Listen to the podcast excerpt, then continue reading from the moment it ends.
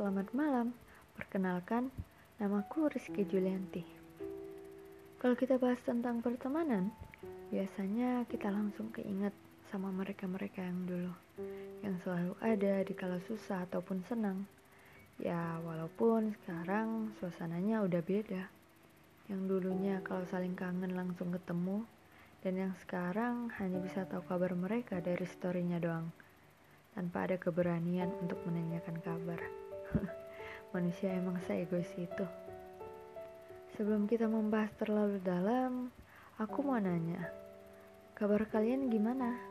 Kuliah online-nya lancar? Udah ngeluh berapa banyak hari ini? Tapi tenang, ngeluh itu manusiawi.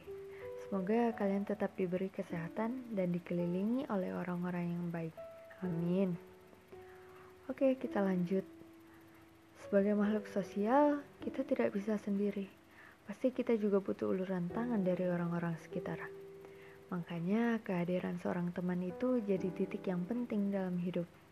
Bahkan kalau kalian seintrovert apa pun, sependiam apa pun, kalian juga pasti membutuhkan yang namanya seorang teman.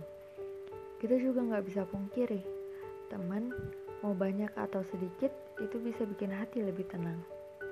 Aku dulu pernah ngerasain Gimana menjadi asing di kerumunan banyak orang? Ya emang sih, aku juga orangnya introvert.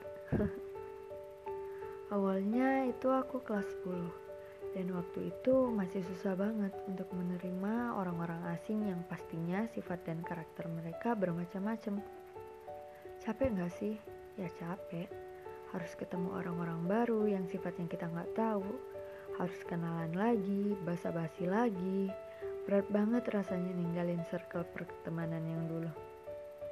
Bicara tentang circle pertemanan, kita nggak bisa memaksa mereka untuk terus sama-sama dengan kita. Mereka juga berhak memilih jalannya masing-masing.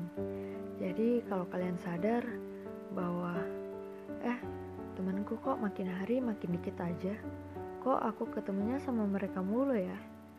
Tapi tenang, semakin kita dewasa, circle pertemanan kita makin sempit. Ya makin gitu-gitu aja. Dan orangnya pun masih sama aja. Mungkin kalau kita nengok ke belakang kita mikirnya wah kok bisa ya temanku sebanyak itu dulu? Ke mana-mana bareng main bareng bercanda bareng bahkan nangis pun barengan.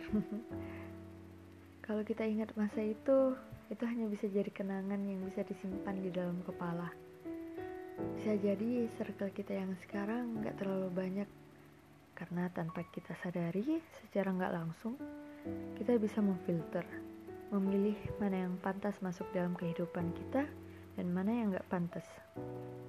Kembali lagi ke masa SMA, pas awal-awal rasanya kayak ada yang kurang, bahkan ke sekolah pun kurang semangat. Mungkin aku lagi di fase yang namanya kesepian. Kalau dibilang pas awal masuk sekolah nggak punya teman, ya teman pasti ada. Cuman ya gitu, nggak sefrekuensi sama mereka. Karena itu aku nggak ngerasain kehadiran mereka sebagai teman aku. Sedih sih pas ada di fase itu. Kata orang-orang, masa-masa SMA itu yang paling indah. Tapi menurutku tidak. Gimana? Kalian pernah merasakan hal yang sama? Tapi di sisi lain, aku juga butuh teman untuk formalitas. Aku gak mau dianggap antisosial sama orang-orang. Gak bisa dipungkiri, fungsi support system dari mereka powernya bisa sehebat ini. Kalau dipikir-pikir, semua ini kalau dibiarin berlarut-larut, itu bisa merusak diriku sendiri. Parah sih. Aku baru bisa menemukan definisi yang benar-benar teman pas aku kelas 11 Dulu aku masih orang yang biasa dan sampai sekarang masih orang biasa sih. Tapi dulu aku belum punya audiens yang sebesar sekarang. Mereka yang selalu support aku, bahkan saat aku patah pun mereka ada. Ya walaupun hanya beberapa orang yang sevisi dan sefrekuensi sama aku. Aku sangat-sangat bersyukur punya segelintir temen yang buat aku ngerasa yang kayak Gak apa-apa, kamu punya teman sedikit. Yang penting mereka real. Di situ aku sadar bahwa hal-hal yang baik juga butuh waktu untuk datang. Tiap orang udah punya waktunya masing-masing dan tiap waktu juga punya orangnya masing-masing. Ketemu mereka, aku jadi percaya bahwa masa SMA adalah masa yang indah. Aku cuma mau kalian paham, mau kalian sependiam apa pun, mau seintrovert apa pun, kita semua tetap butuh teman cerita kita nggak bisa terus menerus memendam masalah sendirian. Tapi ingat, kalian jangan sampai salah masuk circle pertemanan. Kalian juga kalau emang dari awal tidak serak sama mereka ya bilang aja, obrolin baik-baik. Siapa tahu mereka bisa ngertiin. Tapi kamu juga jangan terus-terusan minta di ngertiin. Diem-diem aja dan gak ada usaha apa-apa karena itu semua demi kebaikan kamu juga dan kesehatan mental kamu juga itu penting.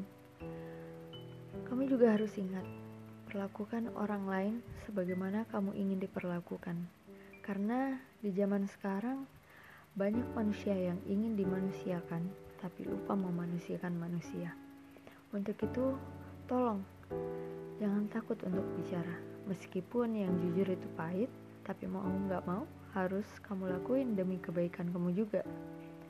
Untuk diriku yang sekarang, aku gak terlalu ambil pusing soal pertemanan. Gak ada kriteria tertentu untuk temenan sama siapa aja. Bodoh amat sama mereka yang bilang, eh kamu kok temennya cowok semua? Nanti kamu diapa-apain loh. Udah sering aku dengerin cemohan yang kayak gitu. Apa pun hal-hal yang menguatkan circle pertemanan kalian, nikmatin. Oke, okay. terima kasih buat kalian yang udah dengerin podcast aku malam ini. Semoga kalian dapat pelajaran yang baru dan kalian tetap dikelilingi oleh orang-orang yang baik. Sampai jumpa.